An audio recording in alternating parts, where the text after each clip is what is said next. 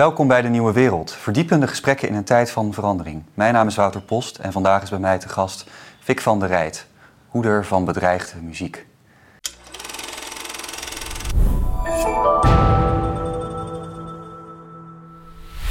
Vic, Ja. leuk je hier te hebben. Uh, we hadden het net al over een specifieke activiteit die jij in het kader van bedreigde muziek uitvoert. Ja. Namelijk uh, het bij elkaar brengen van verzamelcollecties van bedreigde muziek. Wil je daar iets over vertellen?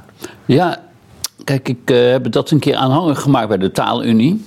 Ik zeg, er is in Nederland uh, geen ruimte om de lichte kunsten uh, te bestuderen. Mm -hmm. We hadden vroeger het Theaterinstituut, het Jazzarchief, het Popinstituut.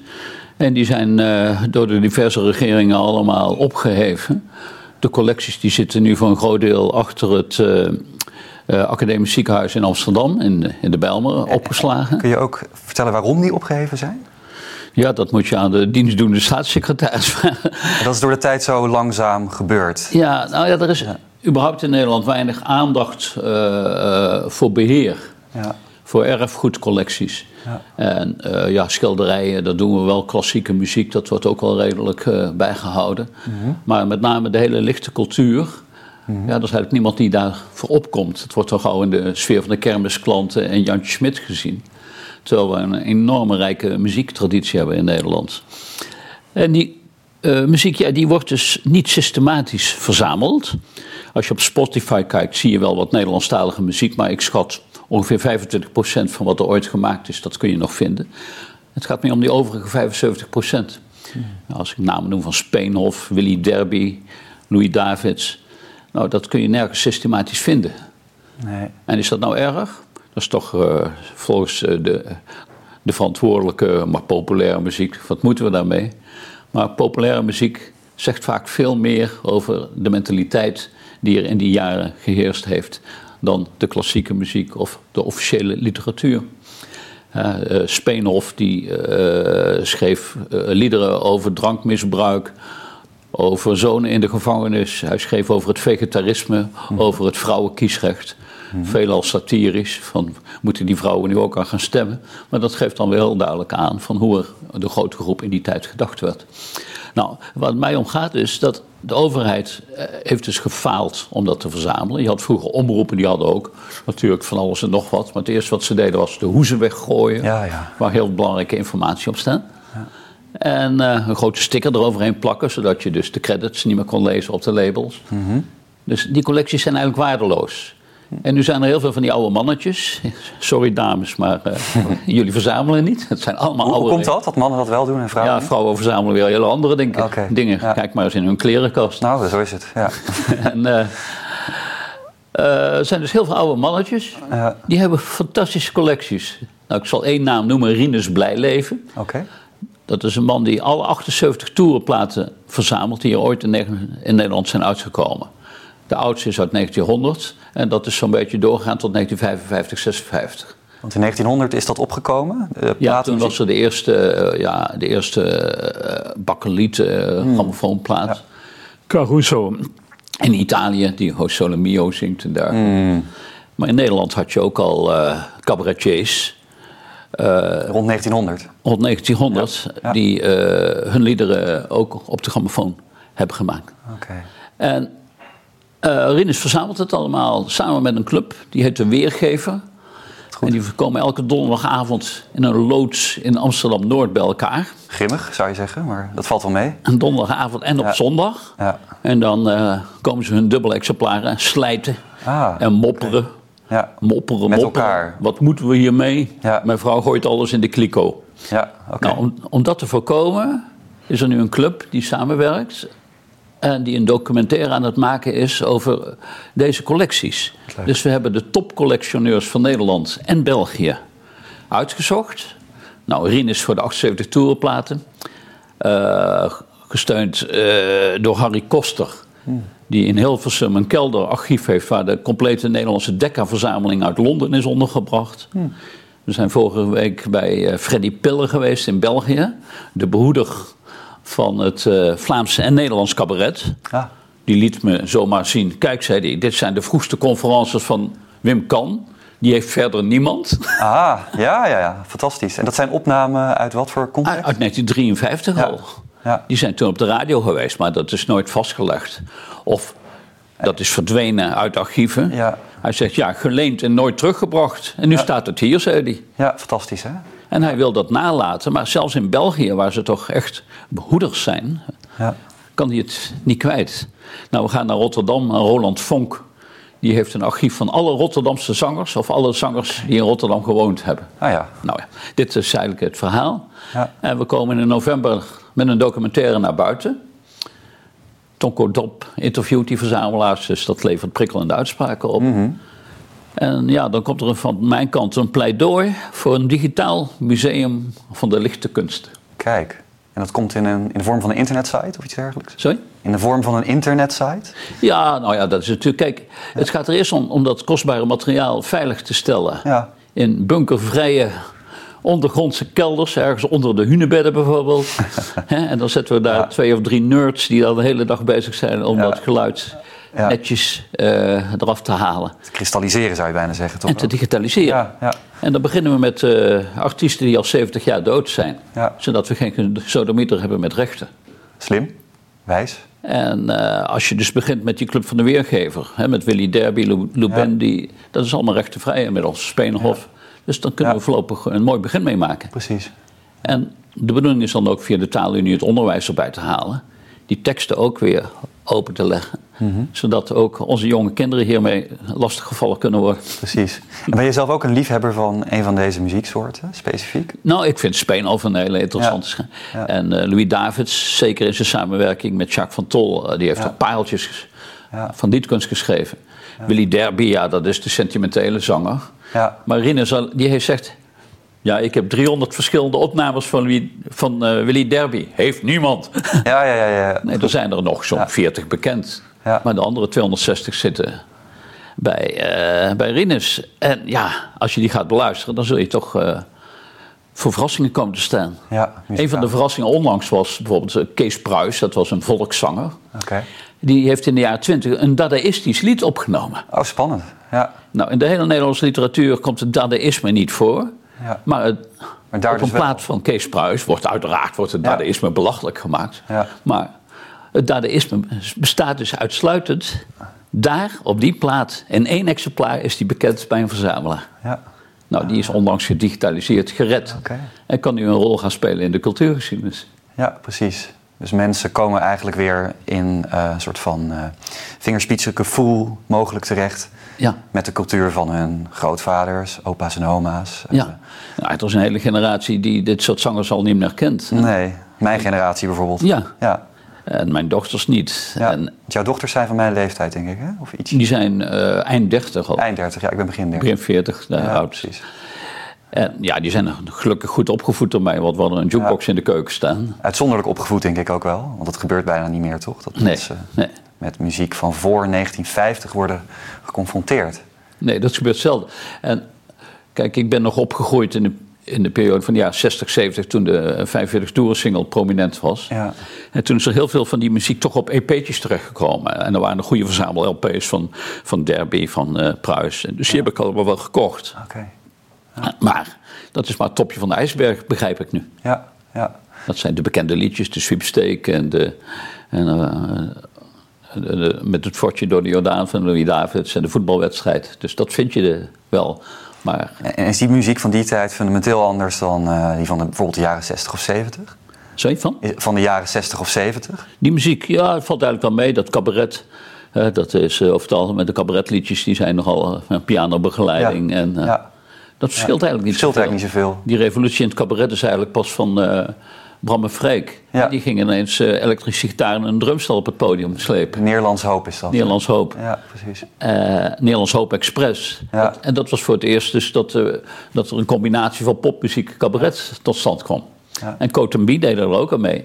Die hadden met Hardy Massa hadden die ook prachtig gearrangeerde nummers van Harry Schoonderwald. En ja, die waren Tony Vos, dat soort componisten. En die hadden hele goede muziek. En dat is toen weer een beetje uit zwang geraakt, toch? Zou je kunnen zeggen. Joep, Joep van het Hek gebruikt natuurlijk ook veel muziek. Joep van het Hek. Maar uh, de generatie daarna, zo'n Theo Maassen of Hans Theeuwen, dat... Nou ja, dat, kijk, op een gegeven moment verdwijnt dus het liedje ook weer uit het cabaret. Dan wordt het uh, ja, alleen nog maar uitzenden. Ja, zenden, hè? Vingertje omhoog Ja. en maar beweren. Ja, ja.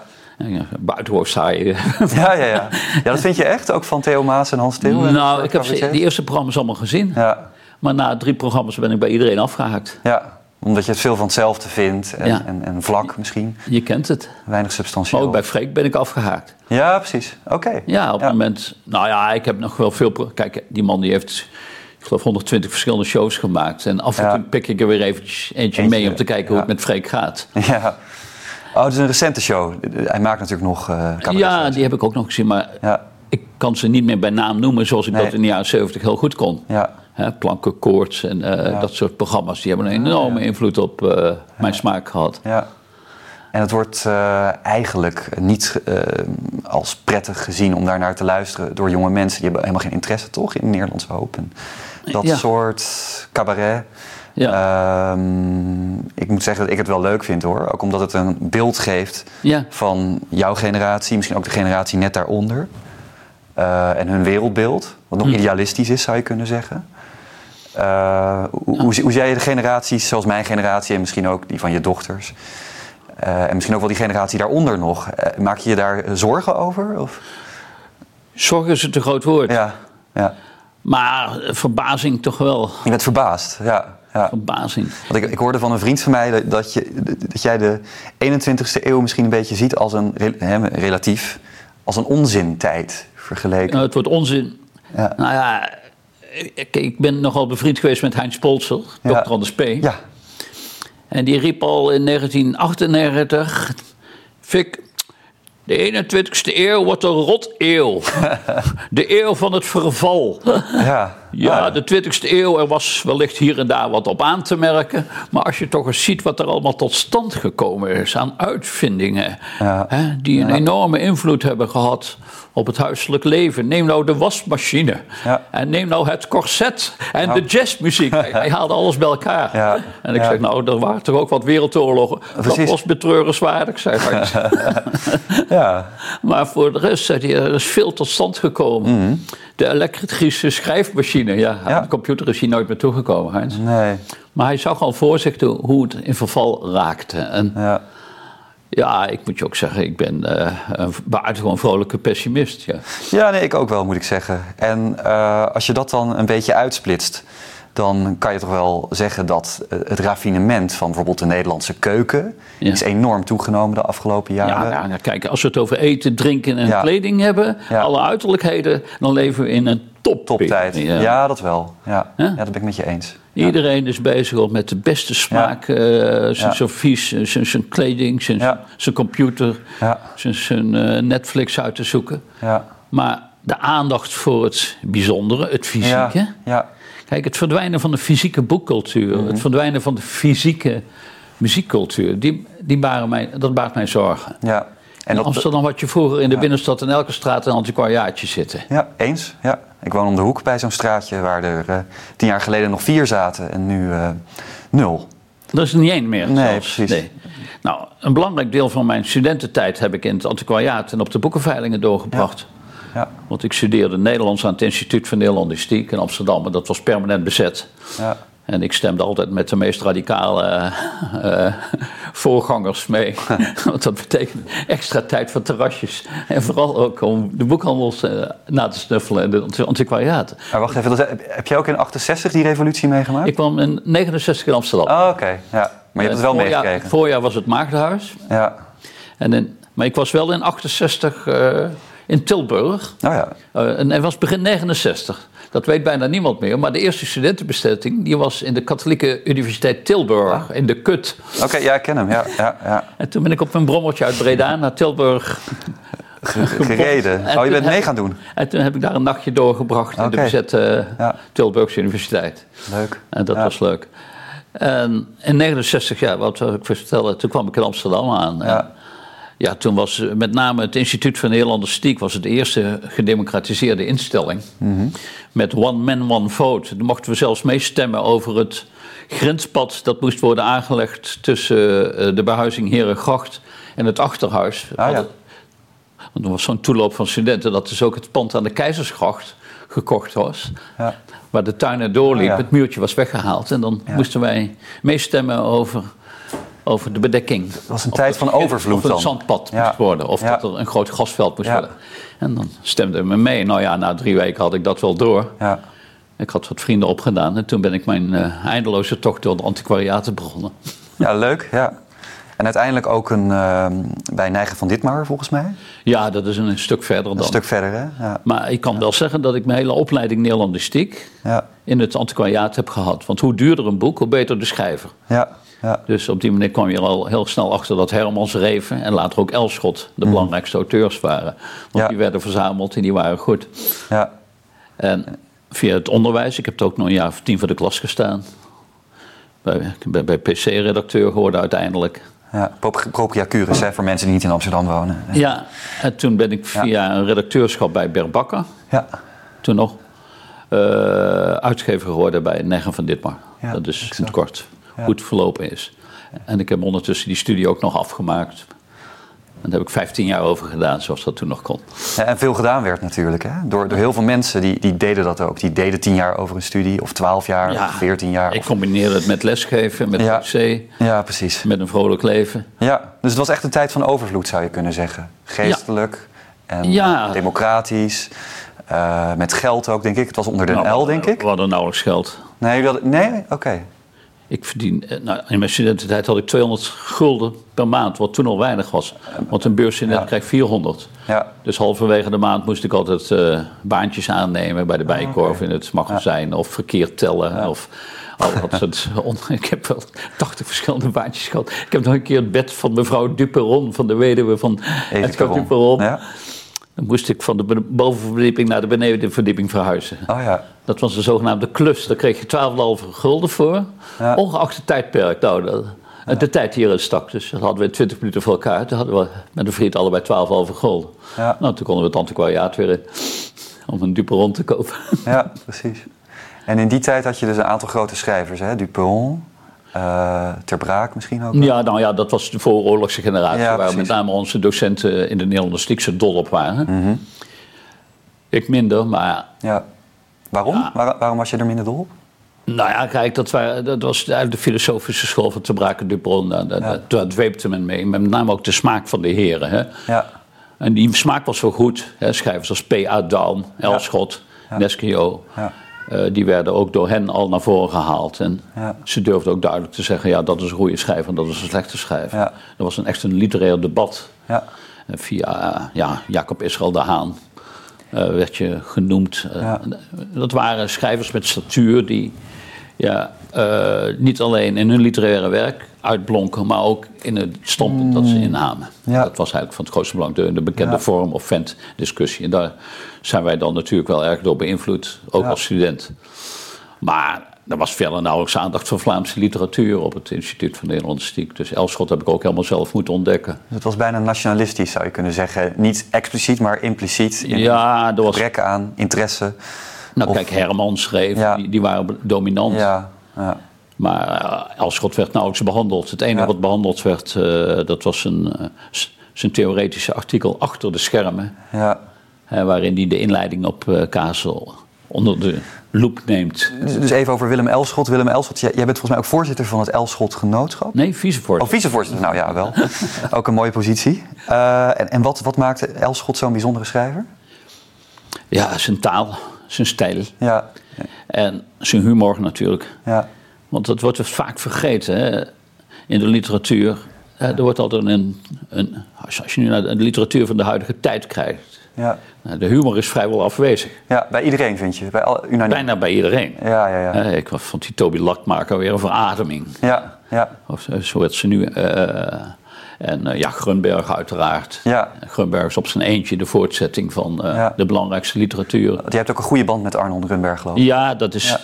Ja, Kijk, ik heb het geluk gehad, met, maar dat geluk is afgedwongen, dat een belangrijk deel van mijn uitgeef, carrière in, in het teken van Arno Grunberg staat. Ja. En ik heb hem in 91 leren kennen. Ja. En ik ben tot 2015 uitgever geweest. Dus dat is, nee, dat is, dat is eh, bijna 25 jaar Ja. die ik eh, als uitgever met heb doorgebracht. En dat gaat nog steeds Bijzonder, door. hè? Dat je 14 jaar samen blijft, in Ja. die zin. Dat En ik- gebeurt vaak en nog niet. steeds lees ik zijn manuscripten Ja. mee. En ik ben Ja. nu weer bezig met een eh brieveneditie van eh, de jonge Grunberg. De periode Oké. Dat hij naar New York gaat. Hij is in 1994 debuteert hij met Blauwe Maandagen. En ik ken hem dus toen al een aantal jaren. Dat wordt een waanzinnig succes. Hij kan al zijn schulden afkopen. Maar hij verliest zijn anonimiteit. Hij ging altijd als een soort zwerver. eh, Door de Amsterdam struinen. ja. Ja. struinde door de stad. Maar dat kon niet meer. Hij werd nu overal herkend. Dus hij is gevlucht naar New York. Ja. En daarna over de hele wereld is hij gevlucht. Hij is nu een, eh, een beroepsreiziger geworden. Ja. Maar eh, ja, wat, wat vroeg je ook weer? Nou ja, een aantal dingen, maar over Elschot en oh ja, zijn... Elschot met eh, name. Ja, Elschot. Ja, ik had natuurlijk dat oeuvre heel goed gelezen. Mhm. Ik weet nog wel, eh, ik was heel erg op zoek naar het verzameld werk voor Elschot. Het was Mhm. onvindbaar in 1969 in Antwerpen, in Amsterdam. Ja. Het heeft ruim een jaar geduurd tot ik het eindelijk vond voor een tientje. Ja. Nou, dat heb ik meteen met de kerstvakantie in zijn geheel gelezen. En ik wist, ja, hier moet ik iets mee gaan doen. Ja. Maar in mijn eh, studie werd er nauwelijks aandacht aan besteed. Dus ik heb besloten, mocht ik ooit een doctoraal schrijven, dan gaat het over Elschot. En dat heb ik ook gedaan toen ik na 15 jaar zo aan toe was om eens af te studeren. Ja, ja, ja. wij hadden ons- mee- wij bij hadden jonge mensen niet mee komen nu, hè? Die begrijpen dat niet. Dat, Nee, maar we hadden wel onze Ja. eh, lesbevoegdheid te binnen. Ja. In die tijd was de MOB-studie, MOA, MOB kon je Ja. ook halen op de universiteit. En dan had je lesbevoegdheid binnen. Dus Ja. na, na vier jaar was ik al op een 24ste bevoegd om leraar Nederlands te worden. Ja. Nou, dat deed je er min of meer bij, dat Ja. lesgeven. En dan deed je af en toe eens een bijvak. Of Ja. Je volgde eens een werkgroep eh, Jacob Israël de Haan. Of, ja. zo ging dat in die tijd. Er zit een zekere ontspannenheid in, zou je kunnen Ja, zeggen. het kostte je wel een tientje inschrijfgeld elk jaar. Ja, ja, ja, ja. ja, het is nu al wat meer volgens mij. Dus, eh, Nee, nee, je betaalde vier jaar collegegeld. ja, Dat was 200 schulden. ja. En daarna kon je voor een tientje gewoon elke keer je inschrijving weer eh, Verlengen. verlengen. En, Ja. hadden- en als je dan een spijkerbroek kocht op de Nieuwe Dijk, had je hem eruit. Want dan kreeg je een Ja. tientje korting. Ja. ja, heerlijke situatie natuurlijk. Het, het is wel interessant hè, dat die generatie van jou en mijn generatie wat dat betreft helemaal geen verbinding meer heeft. En- Nee. Ja, Maar, maar iedereen doet alsof we het zo goed hadden. Maar wij woonden in, in woningen zonder douche. ja precies. Eh, we hadden één kookpitje. Dat heb ik echt... Ik heb eigenlijk tot, tot, tot mijn dertigste in, in dat soort behuizingen gezeten. Ja, ja, ja. Ja. Dus het was En ook toen- wel erbarmelijk in En toen bepaalde kwam ik een eh, leuke vriendin tegen die Ja. een mooie woning aan de Herengracht had. Kijk, Maar zelfs daar hadden we een gammele douche. Nou, maar mijn Ja. dochter zou er nu niet in willen douchen. En dat soort dingen. Die luxe die er nu Ja. overal is, die, die interesseerde ons niet. We konden ook van een laag bedrag leven. Ik keek altijd hoe, hoe, dat ik zo weinig mogelijk les kon geven... om dan toch nog in leven te blijven en mijn boeken te kunnen kopen. ja. Een, een rijbewijs om er iets te doen, dat, dat was niet aan de orde. Nog steeds niet. Nee. En eh, wat dat betreft kijk ik mijn ogen uit naar, naar de huidige generatie. Ja. Eigenlijk begon dat al met die generatie kort na ons. Dat was de juppengeneratie. Ja. Heb je het over mensen die in de jaren 60 geboren zijn, denk ik toch? Nou, eh, zo vanaf 57, 58. precies. ik voel duidelijk een verschil. Ja, daar hè? Dus tussen eh, die groep die nu altijd als boomers wordt weggezet. Ja, Ja, alsof wij eh, Ik voel al dat ook wel, ja. en al het geld naar ons hebben toegetrokken. Dat heeft die generatie na ons gedaan. ja. Die zijn op de macht gaan zitten. Het geld. Ja, maar Gerrit Komrij heeft dat toch ook wel eens een keer gezegd in een eh, klein verhaal in uh, Ruigoord, wat van een uur, waarin hij fulmineerde tegen zijn generatie, ja, jouw Komrij generatie. is een hele andere generatie. Die Is dat zo? Die is van 44. Nou, precies. Ja, Dat zijn de oorlogskinderen. ja exact. Dus, Die hebben het ook goed gehad hoor. exact. Ja. Die hebben nog de VUT gehad. ja, Die werd allemaal net voor mijn neus voor je afgeschaft. neus weggenomen. ja, Nee, precies. de- jarenlang heb ik VUT-premie betaald om op Ja. de 62 weg te kunnen. Ja, Dat hebben ze voor de, mijn de Ja. lui die na 1 januari 50 geboren zijn afgeschaft. ja, ja. Ja. Nee, die lui daarvoor, die hebben het toch goed gehad. Die, Ja, hebben, ja. Nog, die hebben nog huizen, Die goede oude tijd was dat. die hebben nog Ja. huizen gekocht. Ja. Nee, die generatie van mij, die zit, wij waren altijd met te veel. Mhm. Dus één keer gunstig geweest. Toen we... eh, jullie de studeerden. Nee, de, de dienstplicht. Ah, Oké. Er waren veel te veel soldaten. En ik, S5 heb ik niet gehaald, maar wel S4. Maar op een gegeven moment... Wat, wat betekent dat? S5 of S4? Oh, dat weet je dan niet meer? Nee, nou ja, nou ja, ik, weet het niet meer, maar ik denk dat de meeste mensen van mijn leeftijd die kijken ook niet. Dus. Ja. Nee, je moest in dienst. Ja, Nou, dat was natuurlijk het aller, allerergste wat onze generatie... We we liepen allemaal met gebroken geweertjes. We waren allemaal pacifisten. ja, Kon overkomen. ja. Dus je deed er alles aan om eh, afgekeurd te worden. Dus Ja. eh, je, je, je, hing homoseksueel of, Ja, of de, de bil uit bij de keuring. Maar dat deed op een gegeven moment iedereen. Dus je werd toch Aangenomen. goedgekeurd. Ja, oké. Ja. Maar op een gegeven moment hebben ze de lui die op het nippertje in de keuring hadden, de, de keuring hadden doorstaan er ook uitgehaald. Dus stabiliteit 1 betekende, dat is Jan Soldaat. S5, die hoeven we niet te hebben. Nee, precies. Maar ze hebben, nou, ik had S4, dus een randje van waanzin. Ja. Die hebben ze er dus ook uitgehaald op een gegeven moment. Ja, ja, ja, ja. ja. Dus, dus van de eerste keer, de enige keer dat ik van de geboortegolf heb geprofiteerd. dat er te veel soldaten dreigden aangenomen te worden uit mijn lichting. Mag het is, zou je zeggen. Ja, en voor de rest waren wij altijd met te veel. ja. Eh, toen we aankwamen met studenten, 300 studenten Nederlands. Ik geloof dat ze er nu nog zes hebben in Amsterdam. Hey, en, en hoe kijken jullie naar die generaties boven jullie? Want ik, ik was eh, volgens mij vier weken geleden waren we allebei op een woensdag bij de presentatie van het boek de, het, Universum van Willem Frederik Hermans. Ja, ja, volgens mij. ja. En eh, eigenlijk zou je kunnen zeggen dat de generatie van Hermans, dat jij daar naar kijkt zoals ik naar jouw generatie kijk, Oh, dat toch? zou kunnen, ja. Of zoiets. Dus, want, want zo'n Hermans die verdiende zeer veel geld, hè? Dat was een eh, zeer rijk man. Ja, maar zo heb ik nooit naar Helmers gekeken. Nee, precies, dat ik interesseert keek alleen naar zijn wereldbeeld. Gelukkig maar. Dat gruwelijk pessimistische wereldbeeld, Ja. dat sprak mij als eh, overjarige puber bij- bijzonder aan. Ja, En eh, dat is ook de, de enige en echte schrijver met Elschot die ik gelezen heb in mijn middelbare schooltijd. Want ik had een ouderwets gymnasium Alpha. Ja. En er werd geredeneerd, die lui lezen toch wel. Ja. Nou, dat is helemaal niet waar. Ik luisterde de hele dag naar de, naar de popmuziek. De Ja. Radio London en Radio Caroline. ja, En ik las nauwelijks boeken. Ja. Maar De Donkere Kamer van Damocles heb ik gelezen. En dat was een klap in mijn gezicht. Ja. En daarna ben toen ik in Amsterdam ging studeren... begon ik vanaf dag één alle boeken van Hermans te verzamelen en Ja. te lezen. En, da- en daarna ook Reven en daarna Elschot. Dus wat, wat, wat is dat aan het wereldbeeld van Hermans wat zo eh, aangrijpend is? nou ja, er is maar één werkelijk woord, dat is chaos. Chaos, hè? Dat was ja. een levensinstelling. Ja, En al zijn boeken, ja, al zijn hoofdpersonen zie je dus Mhm. ten onder gaan. En op een of andere manier spreekt jou dat als, eh, als ontevreden puber, puber buitengewoon aan het Ja, wereldbeeld.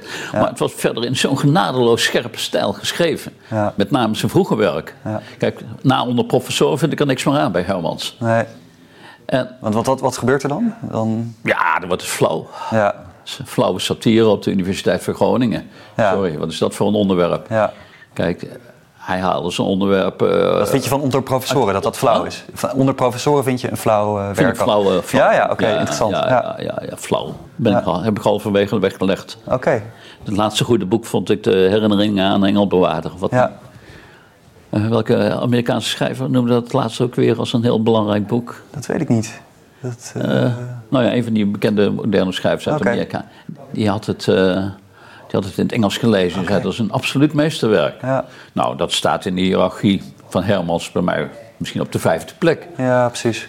Ja. Als die, als, eh, eh, ja, als men de Donkere Kamer van Damocles gaat lezen en het Tranen der Acacias. Ja. En vooral die novelle Het Behouden Huis. ja, fantastisch. Nou, dat Ja. zijn zulke aangrijpende boeken waarin je dus ook de, de, de, ja, de woestheid van de mens. Hè, de- nou ja, dat is wat je bij Céline hebt, bij Reven, bij Hermans. Ja. In mindere mate bij Elschot. Dat je toch eigenlijk het masker, Valt af. eh, de maskers vallen af. Zelfs Ja. die Ja, van de idealisten. ja. ja zeker bij Hermans. En in de oorlog is iedereen een partizaan. Ja. En, en ja, dan wordt eigenlijk alles opgeofferd. En eigenlijk de netste personen zijn nog de Duitsers. Die Ja. zorgen ervoor dat ze elke dag geschoren worden en dat ze ontbijt gebruiken. Ja. Als je, de- hè, maar die partizanen, dat is het gruwelvolk. Ja. Ja, dat is in, in Oekraïne is het op dit moment niet anders waarschijnlijk. Nee. En Nee, ja, dat opent je ogen. Ja. En ja, Elschot is het. Ja, dat is het eh, meer op een microniveau, maar ook hoe hij de mens doorziet. Ja. En met name zijn boek als Lijmen en het Been. Ja. Hoe ja, de, de- ja, je via een soort fake constructies mensen eh, Ja. Tijdschriften in de maagsprits waar ze eens flink voor betalen ook. Ja. In hun ijdelheid denken ze dat het wereldtijdschrift het smederijtje heeft opgezocht om het grootst te maken in de hele wereld. Nou ja, je loopt over van mededogen met die mevrouw Lauwerijs. En dat is natuurlijk weer de kracht van Elschot. Hè, dat hij dus ook veel meer het, het gevoelige in zijn proza weet te breien. En tegelijkertijd het kapitalisme op een genadeloze manier ontmaskert. Ja. En ja, dat sprak mij op latere leeftijd wat meer aan. En Elschots, ja, dat kan je tot, tot de dag van vandaag ook blijven lezen. En, en, Ja. en, en je staat voor verrassingen. Ja. Ja. Door, door, door, doordat hij zo geweldig in je ziel kan kijken. En in de ziel van, zijn protana- van zijn eh, personages. Dus Elschot ben ik eh, tot de dag van vandaag mee bezig. Ja, ja. Ja. En dat blijft zo. Ik heb nu onlangs in Antwerpen de, een stapel van de originele wereldtijdschriften in handen gehad. En daar heb ik nu een groot artikel voor geschreven voor een Vlaams literair blad. Nou ja, een blad dat niemand in Nederland kent, zacht lawaait. Ja, mooi hè? Ik was vorige week in titel. België, Ja. daar werd ik dus aangesproken. Mooi artikel, meneer Van der Ree. Ja, ja, ja. Maar hier in Nederland heeft nog nooit iemand van zacht lawaait gehoord. En hoe gaat het dan in België? Er zijn mensen in Antwerpen die jou daarop aanspreken? Ja, dat gebeurde Ja. twee keer toe. Ja. In een, in een kroeg of zo? Of, eh, Nou ja, het was eh, bij een literaire bijeenkomst, dus het is niet zo heel gek. Nee, natuurlijk. Maar daar is het literaire tijdschrift nog Levend. levendig. Ja, Ja, dat, ja. dat is een gespreksonderwerp. En, en hoe kijk jij naar moderne Vlaamse auteurs? Of hedendaagse, zoals Verhulst? Nou ja, eh, Tom Lanois vind ik natuurlijk een heel grote jongen. Ja. En die heb ik ook vanaf het begin gevolgd. Ik Ja. heb hem eh, bij Bert Bakker heb ik drie jaar gewerkt. Oké. En daar heeft hij zijn eerste romans uitgegeven. Toen was ik al eh, redacteur. Dus ik stond zowel bij Tom Lanois als bij Arno Gumberg vooraan hè, Ja. de tijd. En veelal schrijven auteurs in de eerste jaren hun belangrijkste werken. Hè? Mhm. Dat komt, daar hebben ze 23 jaar over nagedacht. ja, 23 jaar. Dus als je jong Ja, dan bent... debuteert men meestal. Ja, meestal, 24. Ja. En dat Ja. eerste boek, ja, daar zit de jeugd in, daar zit de, de, de, de, de, de opstand in. Bevliegingen. Volwassen eh, worden zit erin. Ja. De wonderjaren, zoals de Belgen dat noemen, zitten daarin. Ja. En dat komt dan in zijn eerste boek vaak tot uiting al meteen. Ja. En bij het tweede boek gaan ze verzinnen, heb ik als uitgever vaak gemerkt. Hè? En dan wordt ja. het minder. Ja. En bij het derde boek komt het bij de goede schrijvers weer goed. Ja. Ik heb een paar keer de fout gemaakt om een tweede boek van een auteur af te wijzen. Aha. En dan ging ze naar een andere uitgeverij. En dan was het En fenomenaal. het bij het derde boek was het weer in orde. Ja, ja, precies. Herman ja. Franke, inmiddels vergeten auteur, een belangrijke auteur. Ja. Die eh, hebben het eerste boek uitgegeven bij Nijg. En toen. Kwam hij met een tweede boek, een ongelooflijk slap verhaal. Nieuws van de nacht heette dat. Speelde zich af in een journalistiek milieu. Was Niet om... Ja.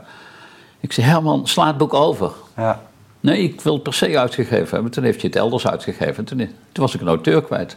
En, en hoe kijk jij dan naar, naar, naar mensen als Adriaan van Dis en, en Arthur Japin? Ik bedoel, niks dan goeds over... Nou, van dit vind ik een eh amabele man. En Mabel Man, ja, precies. Ja. En eh, Ja. zijn interviewprogramma, dat is zo belangrijk hè, was geweest voor dat? de Nederlandse Ja. literatuur. Dus dat is misschien ook wel leuk voor de mensen thuis om daar eh, wat meer over te horen. In de IJsbreker volgens mij in de jaren 80. Ja, ja, daar zat je Het café in Amsterdam. in een Ja. benauwde ruimte. Ja, En je zat bovenop Van Dis en Ja. zijn gast. Je zag de zweetdruppels wederzijds Ja. vloeien. zeker bij Hermans en Oldmans en dat soort Ja, mensen. er waren waar? confrontaties. Ja, En eh, ik was ook bij het gesprek met Andreas eh Sitniakowski. ja, Een voormalige eh, Oost-Duitse jongen. Die uiteraard gechanteerd werd door de Stasi. En die daarover hevig aan de tand werd gevoeld. door de politiek correcte eh, Van van Dis. Ja, die Ja. speelde uiteraard die rol. Maar die, ja.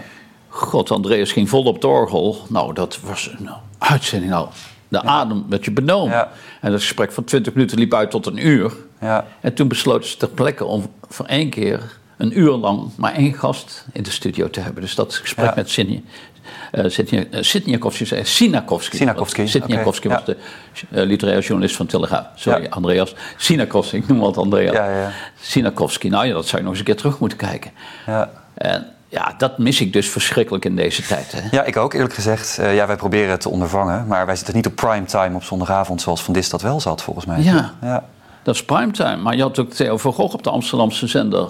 Ja. Die ook Later natuurlijk. Ja, maar die ook een auteur of een politicus helemaal aan de tand voelde. En daarna kende je zo'n persoon ook. Ja. Lange interviews, hè? Lange interviews. En op de radio drie uur lang een, eh, het, het VPRO-gesprek, drie uur lang. Ja. Ik had heel graag, ik had een keer elkaar van Treven over. En, eh, Ja. Wij gaan een keer drie uur lang over Elschot praten. Hadden we allebei graag gewild, maar Ja. bestond niet meer. Nee. Dat is ontzettend jammer. Dat, Je, je hebt dat marathon-interview toch nog bij de ja, VPRO? marathon-interview met Kaal van Treven over Elschot. Ja. Ik zou het nog heel graag doen, nu met iemand eens een keer drie uur lang over Elschot praten. Maar vind jij dan ook niet, hè, als je naar zomergasten of zo kijkt, dat eh, eh, interviewers mensen snel interrumperen en eh, van hun verhaal af- Zomergasten was vroeger Ja, dat er een gast was die zijn favoriete programma's liet zien. ja, En nu is een psychologisch onderzoek aan de hand van de fragmenten die men heeft uitgekozen. ja, Het alles is autobiografisch tegenwoordig. Oh, waarom draait u deze film en hoe zat dat eh, met uw jeugd dan? Dat u juist dit fragment hebt uitgekozen. En, en vind je dat ook nog niet dan een vrij oppervlakkige psychologische eh, toestand? Want zodra je dan denkt van we gaan nu de diepte in, dan eh, gaan we weer op een Nee, volgend nee, een onderwerp nieuw over. fragment. Ja, precies. Ja. Nee, ik kijk ook niet meer. Nee. Ik kijk bijna geen tv meer überhaupt. Nee, nee, ik ook niet. Maar, Bij het journaal ruim ik altijd de afwasmachine in. Want dan mis je toch niks aan. Maar Nee. Je kijkt een beetje met een half oog. ja, En vaak doe ik de ondertiteling aan, zodat ik het nog een beetje ja, kan meelezen. Nou ja, en al die talkshows kijk ik niet meer. En, nee. Want wat is dat nou toch met die talkshows? Dat dat op de een of andere manier niet eh, iets ja, van een spark heeft. nou, laten we zeggen, we zitten nu met 17 miljoen Nederlanders, geloof Ja, ik. Hè? precies. En een kleine minderheid, Ja, 1 miljoen daarvan, 1 op de 17, dat is eh 6% van Nederland, kijkt daarnaar. ja, En die 6% die zijn de hele dag om elkaar heen aan het piepen, twitteren, de, de maat aan het nemen, columns aan het schrijven. Dat gaat om 6%. ja, En daar zit voor een groot deel handdebielen tussen. ja, zeker. Tussen die 6%. Laten we zeggen de helft. Ja, Nou, dus, dus we hebben het nu over 3% van mensen met wie je normaal een gesprek wil voeren, die met die talkshows bezig is. Ja, het is een soort van zwart gat waar alle intellectuele energie, eh, sociale Ja, vitaliteit. Net de mensen die kijken daar niet naar. Nee, precies. Gelukkig niet, toch? Zou je Maar zeggen. het gesprek van de dag, Ja, de kranten, ja, worden daar helemaal door bepaald. ja. En En nu.nl dat soort eh, ja, het gaat, media. over, het- gaat over, eh, eh, het gaat over, over autoracen. Ja. Ik bedoel, de Volkskrant die heeft de schaakrubriek opgeheven. Ja. En die hebben tegenwoordig zulke artikelen over, over Max Verstappen. Ja. Het is toch te zot voor woorden. Ja, nou, bij de NRC vind ik dat ook al jaren hoor, moet ik zeggen. Met de NRC hetzelfde. Die hebben tegelijkertijd, hè, spreken ze af, die hoofdredacteuren, want anders lopen er te veel lezers over. Nee, Hans Ree wordt dat gelijk uitgegooid met, met Ger Lichterink in de Volkskrant. Samen Ja, ja. Besluiten Maar dat is de persgroep toch dan die dat... eh, Nee, nee, dat zijn concurrerende concerns. En de NRC ja. zit bij een andere groep. Ah, precies, oké. Ja. Maar wel allemaal bij Belgen, hè, want ja, wij Nou, zijn precies. allemaal uitverkocht. Ja, het is een wonderlijke constructie toch? Dat die Belgen dan achter al die Nou ja, die mediaconcerns zitten. Belgen kopen tenminste nog het intellectuele kapitaal op. Ja. Maar ons gas en Maar wat doen ze ermee? energie, de post, alles Ja. hebben we aan het buitenland verhandeld. Ja. We zeggen Ja. altijd dat Nederland een koopmansland is. Nee, we zijn een verkoopland. we verkopen alles. We kopen alles, ja, precies. Het is begonnen met de voetballers. En daarna is het via de energie, de post. Ja, Ja. Als het kon, dan verkopen we de koningin aan Duitsland. die wel. nou ja, die zouden er die graag willen- hoor, Die willen graag een monarchie. Nou, laten Ja. het verkopen aan Duitsland. Ja, precies. Eh, ja, maar goed, zo'n zo'n NRC... Jij, jij bent natuurlijk een literatuurliefhebber en een muziekliefhebber... en een Ja. groot kenner van beide. En ik word niet bediend. Maar wat, wat natuurlijk ook zo is, is dat bijvoorbeeld de buitenlandredactie daar uitgekleed is. Ook. Ja, En, de, en de internationale onderzoeksinstituten en dat soort zaken. Ja, Nederland. Dus hoe kan je dat nou De ondervangen? 21e Deze, eeuw is de eeuw van het verval. Dit zijn allemaal argumenten daarvoor. Eh, er zijn, het, het is natuurlijk allemaal waar, denk ik. Of althans, eh, natuurlijk zijn er wel eh, haken en ogen aan die redenering. Maar hoe kunnen we dat nou ondervangen? Dat, dat is... eh, Nou ja, wat je dus nu hebt. Mhm. Daar is dit programma ook weer een voorbeeld van. Dat er overal hele leuke, kleine, interessante clubjes opduiken. Ja. Hè, die dus eh, de 94% die niet door de talkshows bediend wordt. ja, da- hè, daar weer een half percentage van eh, aan het bedienen is. We hebben een soort geheime genootschappen. Je ziet dus nu Ja. op de universiteit dat de literatuur... Hè, die wordt eh, op allerlei manieren aangevallen op het ogenblik. Een van de meest briljante Nederlandici in Nederland en België... die man heet Koen Rijmenans. Nou, die naam is volkomen onbekend. Die had al lang professor moeten worden. Die man heeft een belezenheid en een kennis... en kan er ook nog eens een keer schitterend college geven. Ik zeg, hij is op zijn 27e al gepromoveerd op Elschot. Daarom ken ik hem. kijk. Ja, maar hij, hij, hij, heeft veel, hij is veel breder. Ik zeg van ben jij, word jij nu geen hoogleraar in, in Leiden waar ze er weer eentje gestopt hebben? Of in de VU waar ze zelfs het hele vak hebben afgeschaft? Ach, fik, zegt hij. Denk je dat ik, blanke Belg, dat ik zelfs maar in de voorronde bereik? Hij zegt er wat. Ja. Je moet echt op dit moment van allerlei. eh, nou ja, eh, voor je het weet begin ik over woken, begin ik over. Ja, eh, ja, goed. over al dat soort zaken. Maar Ja. als je dat als witte man op dit moment niet hebt, dan ben je dus kansloos voor een benoeming. Daar komt het eigenlijk op neer. Ja, dat denk En er komt wel. dus nu Nou, allerlei maar- gekte waar literatuur aan moet voldoen. Ja, Maar de eis van humor, dat is de belangrijkste eis van humor, ja, daar komt niemand op. ja. En het concept enthousiasme ook, hè, denk ik. Dat, dat is ook iets wat Ja, dat je ook verdwijnt. dat je een verhaal kan vertellen. Ja, precies. Ja. En nou ja, dat is. Vroeger, eh, Anthony Mertens, die heeft. En eh, Frans de Rover, die hebben met z'n tweeën. hebben die een enorme leuke generatie in Nederland. is die op, opgevoed aan de Universiteit van Amsterdam. En, eh, ja, Is dat ook de generatie van eh Connie Palme en eh Matthijs van Nieuwkerk? Ja, die hebben, al, en, Ja. ja. die hebben daar allemaal colleges gevolgd. Arie Storm. Ja. En die schrijft er ook heel leuk over. Voor de Propriacure schrijft hij nu, hè? Dus, Ja, ja schreef. Hij heeft, Schreef, hij ja. heeft, hij heeft nogal Ja. lang is hij blijven hangen. ja. Maar, die, maar goed, die zijn dus nu ook allemaal gewipt. Uh, Arie Storm Ja. is er ook uitgegooid bij het parool. Omdat hij te kritisch Ja. schreef. Met name over vrouwenliteratuur. En dat wordt op een gegeven moment niet gepikt. Ja. En, nou ja, je ziet dus overal de bijzondere stemmen verdwijnen. ja. En je ziet het niet terugkomen. Niet? Nee?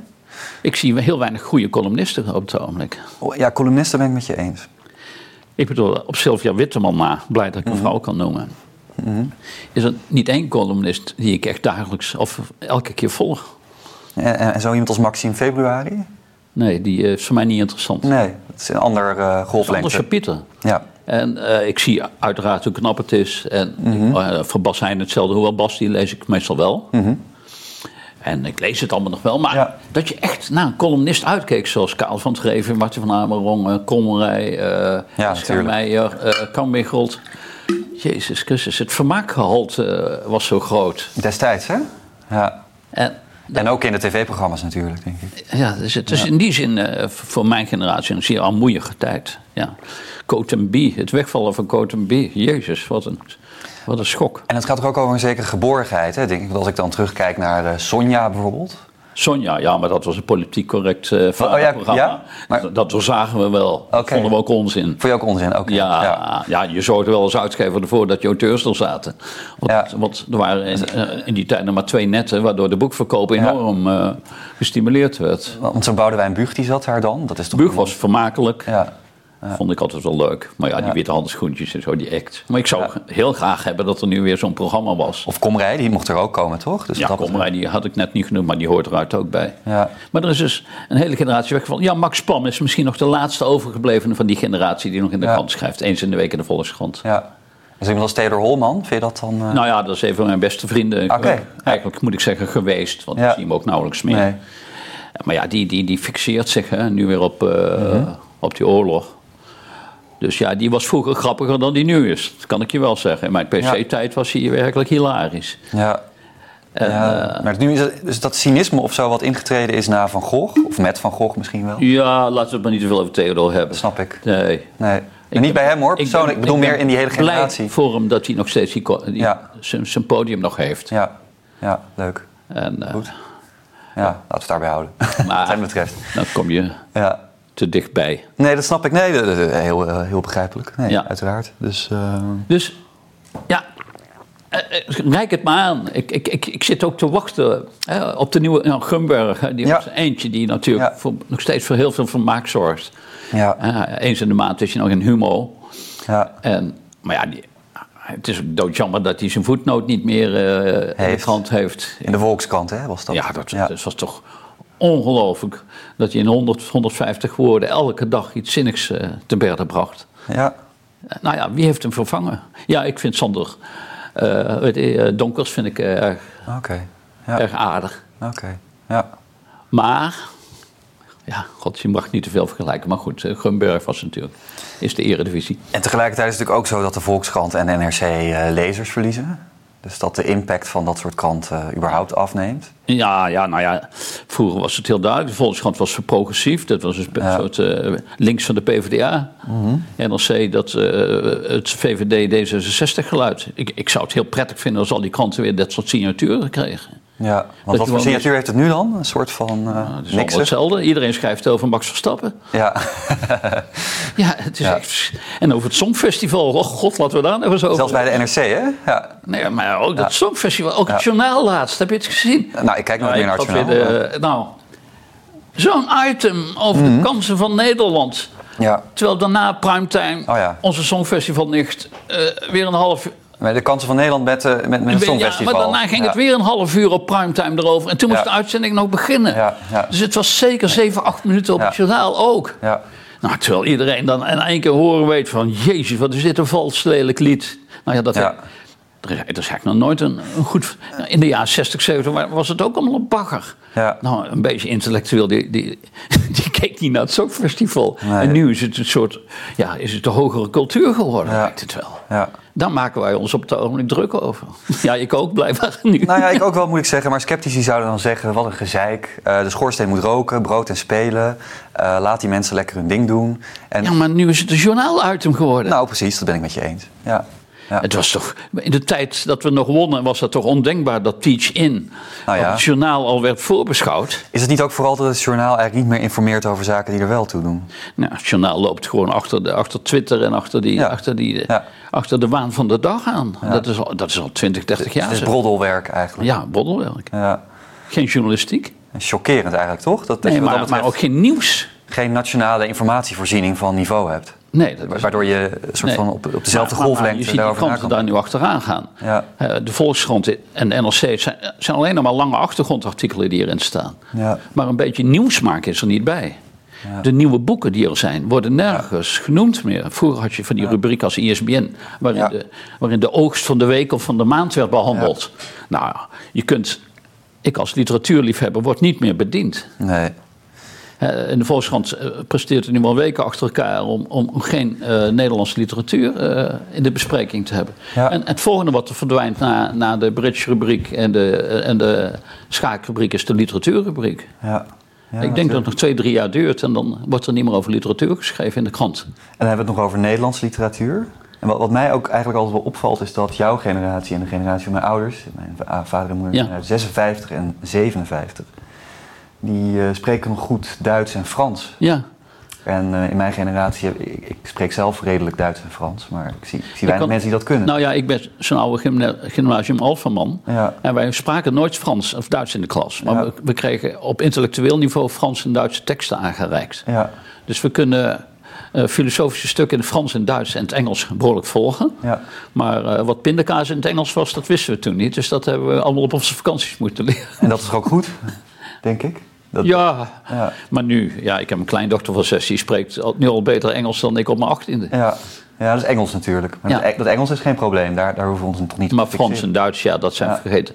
Ja. Ook, eh, niet alleen in de muziek, maar ook als talen. We spreken onze buurtalen niet meer. Nee, nee. En ik kan me met eh, Frans en Duits redelijk redden. Ja, Maar ook niet op geweldig niveau. Maar de Franse muziek, en zeker als ik de tekst erbij heb, dan kan ik die uitstekend volgen. Ja, ja nee, natuurlijk. Dat, dat, is, dat is heel prettig en een verrijking. En dat is volgens mij ook precies waar Europa op gebouwd zou moeten zijn, zou men zeggen. Nou, de Europese cultuur. Maar we zijn nu een kolonie van Amerika, Ja. in mindere mate van Engeland geworden. Ja, ja totaal hè? En eh, ja, ik had vroeger een geschiedenisleraar die zei dat de Chinezen kwamen. Maar dat valt toch steeds nog. Ja, ja, ja. Er wordt nog steeds op dezelfde manier gewaarschuwd voor de Chinezen als Ja. in 1968. Ja, ja, ja. dus ik, ja precies. Je ziet wel Chinese reclame op, eh, bij de rederijen en zo, hè? dat soort dingen. Maar daar, daarbuiten... ja, en via TikTok eh, weten TikTok ze natuurlijk. precies wat er aan de hand is met onze kinderen. Ja, Dus, misschien ja destijds althans. Volgens mij is het nu overgenomen door een Amerikaans bedrijf, maar inderdaad. Ja. Maar eh, de Chinese gevaar, het gele gevaar, dat waren Ja, vroeger. ja, maar is het dan toch niet een beetje cultureel gezien het, het Amerikaniseringsgevaar? En dan ook een Amerika wat eigenlijk veel minder te bieden lijkt te hebben, cultureel gezien, Nou ja, dan eh, nou, kijk, 30 hoe- of 40 jaar geleden? Kijk, kijk wat, waar gaat Amerika op terug? Ja, In de 19e eeuw ontstond dat land pas een beetje. nou precies. Ja. Dus die cultuur die ze hebben is alleen 20e eeuwse cultuur. ja. Die voor een deel in de jaren 30 door de grote filmmagnaten die allemaal uit Europa, de Joodse eh, emigranten, tot stand gebracht is. Ja. Dus ze hebben een keurige voedingsbodem gekregen in de jaren 20 en 30. Ja. Maar als je toch ziet wat ze daarvan gemaakt hebben, uiteindelijk. Ja. En dat is die bakker. En die wordt dus nu gewoon allemaal naar ons geïmporteerd, eh, geëxporteerd. ja.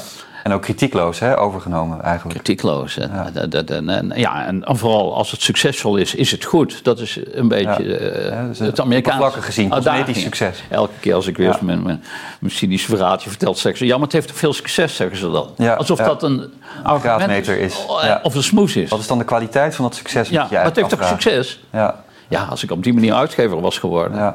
Ja. dan had ik een hele hoop auteurs niet uitgegeven. Pulp Fiction, hè, was het dan geworden? Wat? Eh, Pulp Fiction had je dan gecreëerd, Ja, denk ik, ja. toch? Ja, dan was dat. Ja. Oh, Ja, goed, dan kun je zeggen, dat is toch genoeg. En we hebben het er niet meer nodig en we hebben geen tijd meer. Dus laten we onze tijd vooral niet aan moeilijke dingen besteden. Nou ja, dat is, in zo'n periode verkeren we nu.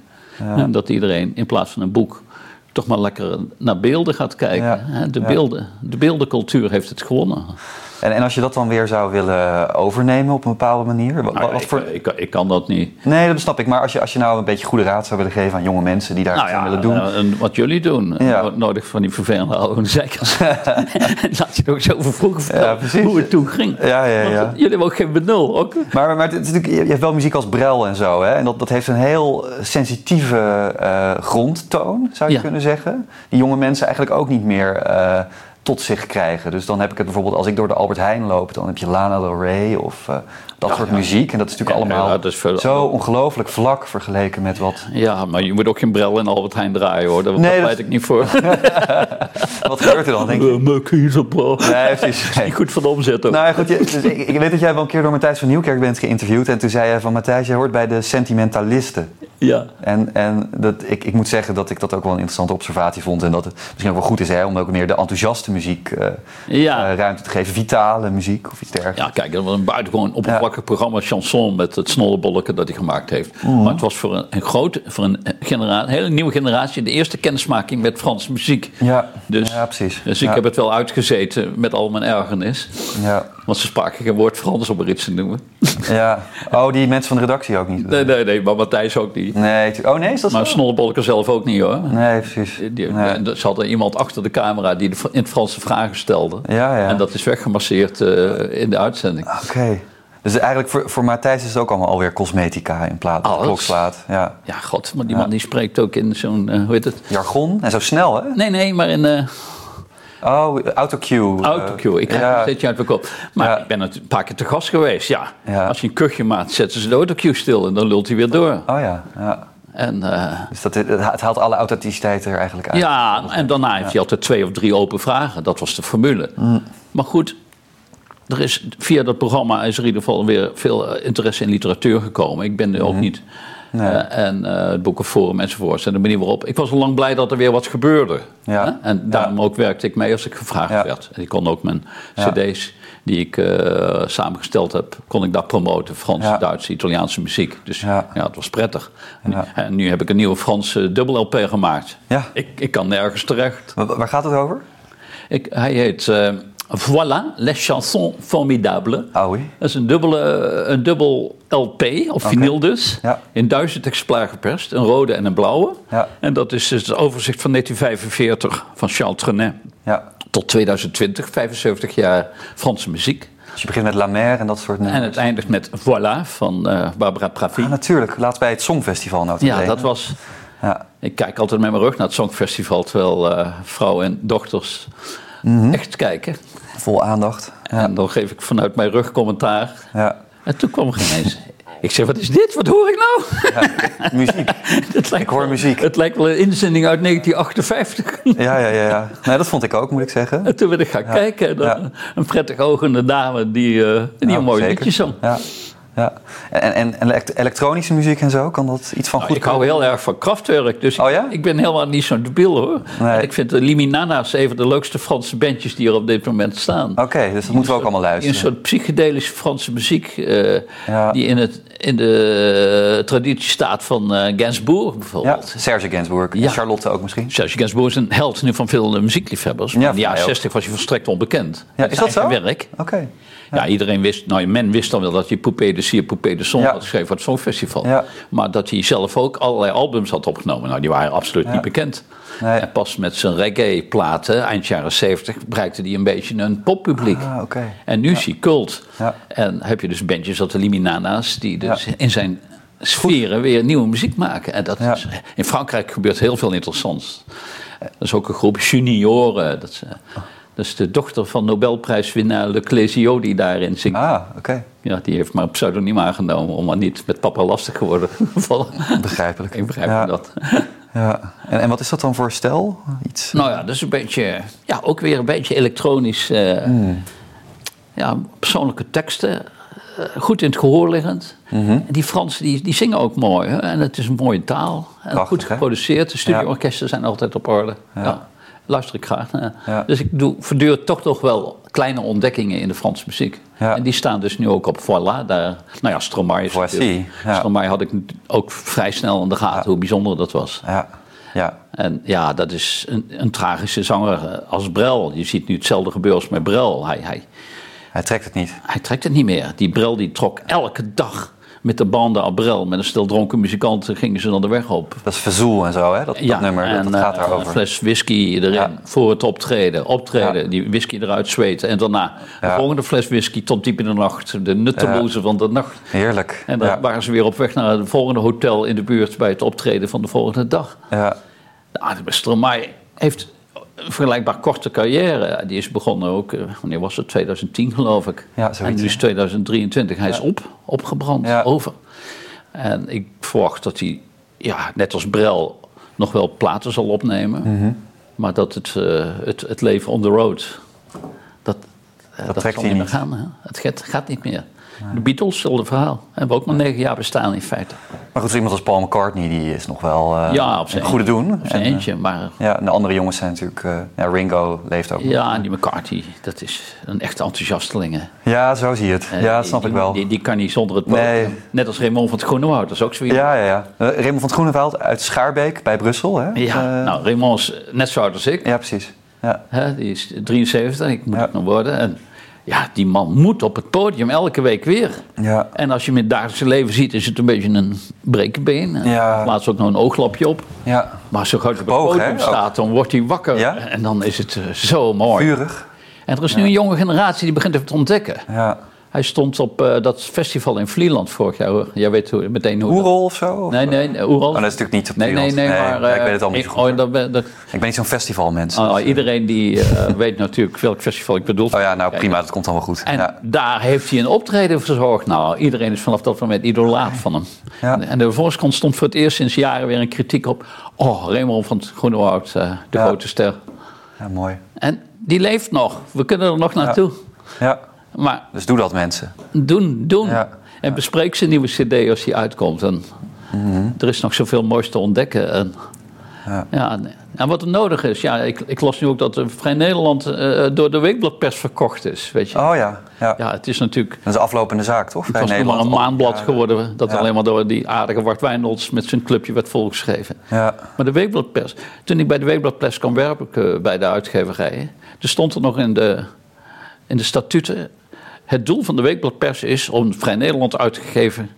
en daarvoor hebben wij de uitgeverijen om die eh, bij verlies eh, uit de stront te redden. Daar kwam het eigenlijk op neer. We, hebben jarenlang onze winsten van de uitgeverij aan Vrij Nederland gegeven om dat blad in leven te houden. ja.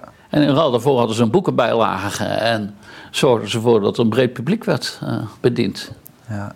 En dat is een prachtige soort van mix. Dat is dus een, soort van bedrijfsvoering waar ik eigenlijk dol op ben.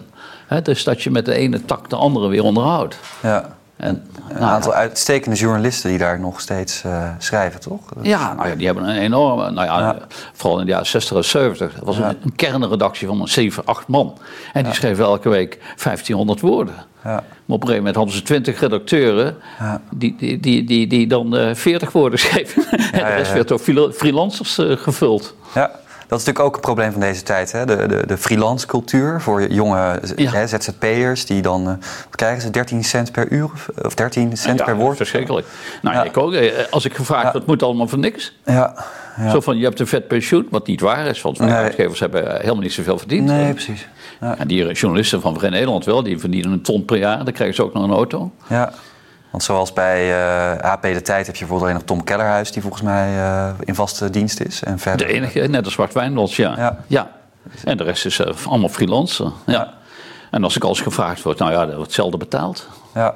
Dus is dat bij de uitgeverijen? Is, is, is daar wel een soort van levendige cultuur? Ik weet dat Koppernik wel... eh, Nou ja, in mijn tijd kreeg elke auteur een standaardcontract. ja, En dat is nog steeds zo. Mijn dochter heeft nu ook weer een standaardcontract gekregen van uitgeverij Podium. oké. En eh, dat ziet er goed uit. Ja. En ik heb het nagelezen. En, eh, nou hoor, die, die, die auteurscontracten zijn... Ja. Die uitgeverwereld die is, dat is nog een van de pijlers in Nederland. Hoor. Dat- Ja. Op heel hoog niveau worden er nog steeds boeken in Nederland uitgegeven. En elk belangrijk wereldboek wordt in vertaling hier nog steeds uitgegeven in Nederland. We hebben een enorme rijke literaire uitgeverij.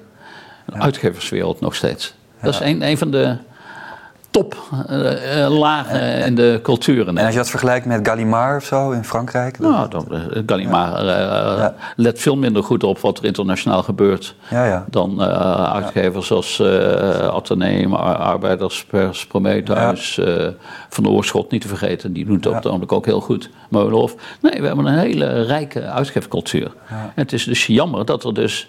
Wij missen dus nu als uitgevers... Ja, we missen nu eh, eh, kleine scheepjes die dit weer brengen. Ja, We, hè, we hebben nog heel veel goede boekhandels in Nederland, nog zeker 100 goede boekhandels. Maar de bemiddeling, daar is een groot probleem op het ogenblik. Hè, het woord essay is verdacht geworden. hè, da- dankzij de juffrouw die nu eh, de boekenclub, eh, of, eh, het boekenvak leidt, de CPMB.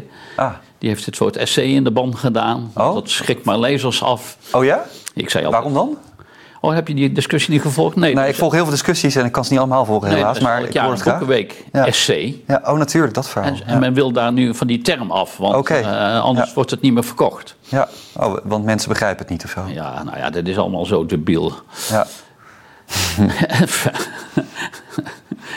God. Maar goed, ik zit Ja, het is, Nou ja, je ik mag ben- hier ook best ik klagen een hoor. vrolijke pessimist. Ja, vrolijk, vrolijk klagen. Ik, ik laat mijn humeur niet verpesten, maar ik zie het met verbijstering aan. Dat is eigenlijk meer wat, er allemaal gebeurt op het ogenblik.